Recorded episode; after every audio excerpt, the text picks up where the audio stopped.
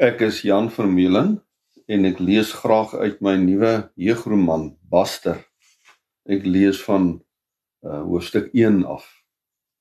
'n Inploffing laat Karel Zimmerman se wêreld in mekaar tuimel die dag toe sy worshond by sy kamer inwankel en onder sy bed inskarrel.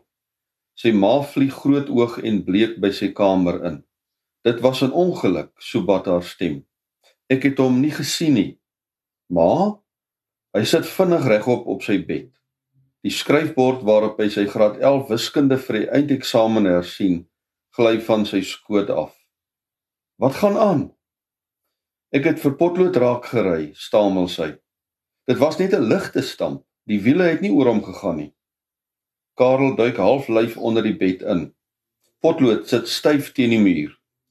Hy moet dieper inkruip en sy hond versigtig onder die bed uitsleep.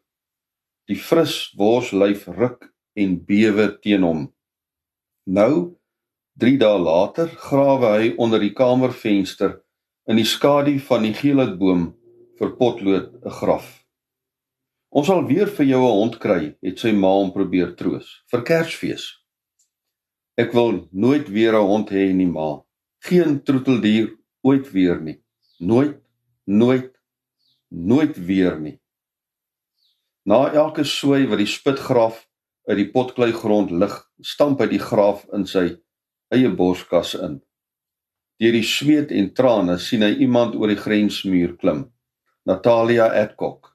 Sy kom staan by hom. Sy is net so lank soos hy, amper 2 meter. Haar nek en hals is vol kolle uitgeslaan, asof sy ver gedraf het. Sy beduie na die bultende wit gooiang sak langs die gat. Is dit potlood? Hy knik en probeer sy rooi oë vir haar wegsteek. "Ai Karol," sê hy, "ek is so jammer." Sy gee hom 'n skouerdruk. Hy vee oor sy oë voor hy weer grawe. "Maar ek het gedink potlood is fyn," sê sy. "Dit was dan al 3 dae." Hy wou nie meer eet of drink nie. Sy neus het gebars, so droog het dit geword. Die veearts het gesê die stamp van die kar se onderstel het sy niere beskadig. Jou ma voel seker vreeslik sleg. Ja, maar dit was 'n ongeluk.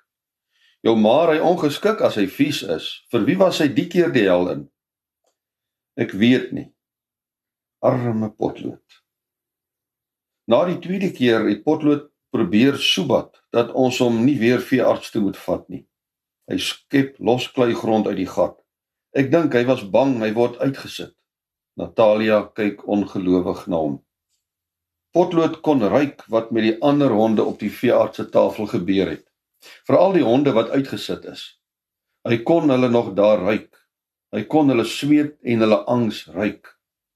Mm, nee, nee. Natalia, honde kan so iets ruik en dit freek hulle uit. Hy snuif.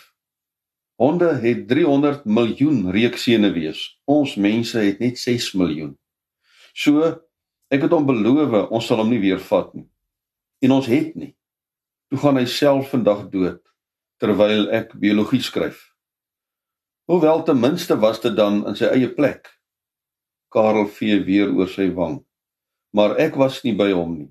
Hy sou my by hom wou hê. Kan jy en honde regtig met mekaar praat? Hy antwoord haar nie. Sy ken hom lank genoeg om nie daardie vraag te vra nie.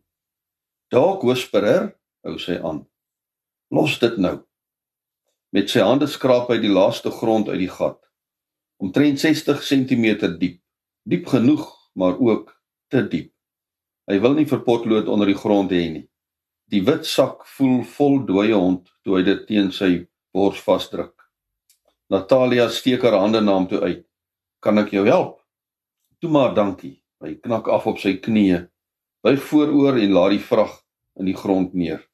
Die reuk van nat klei grond hang warm in die lug. Hy staar na die roerlose wit sak. As hy net nie onder die kar ingehardloop het nie, maar hy was altyd so opgewonde as iemand huis toe kom. Hy hurk met sy vingers van die uitgeskepte grond nader. Die klam korrel sif op die wit plastiek sak. Ek sal seker maak ek raak nooit weer lief vir 'n hond nie. Ek wil nooit nooit weer voel wat ek vandag voel nie.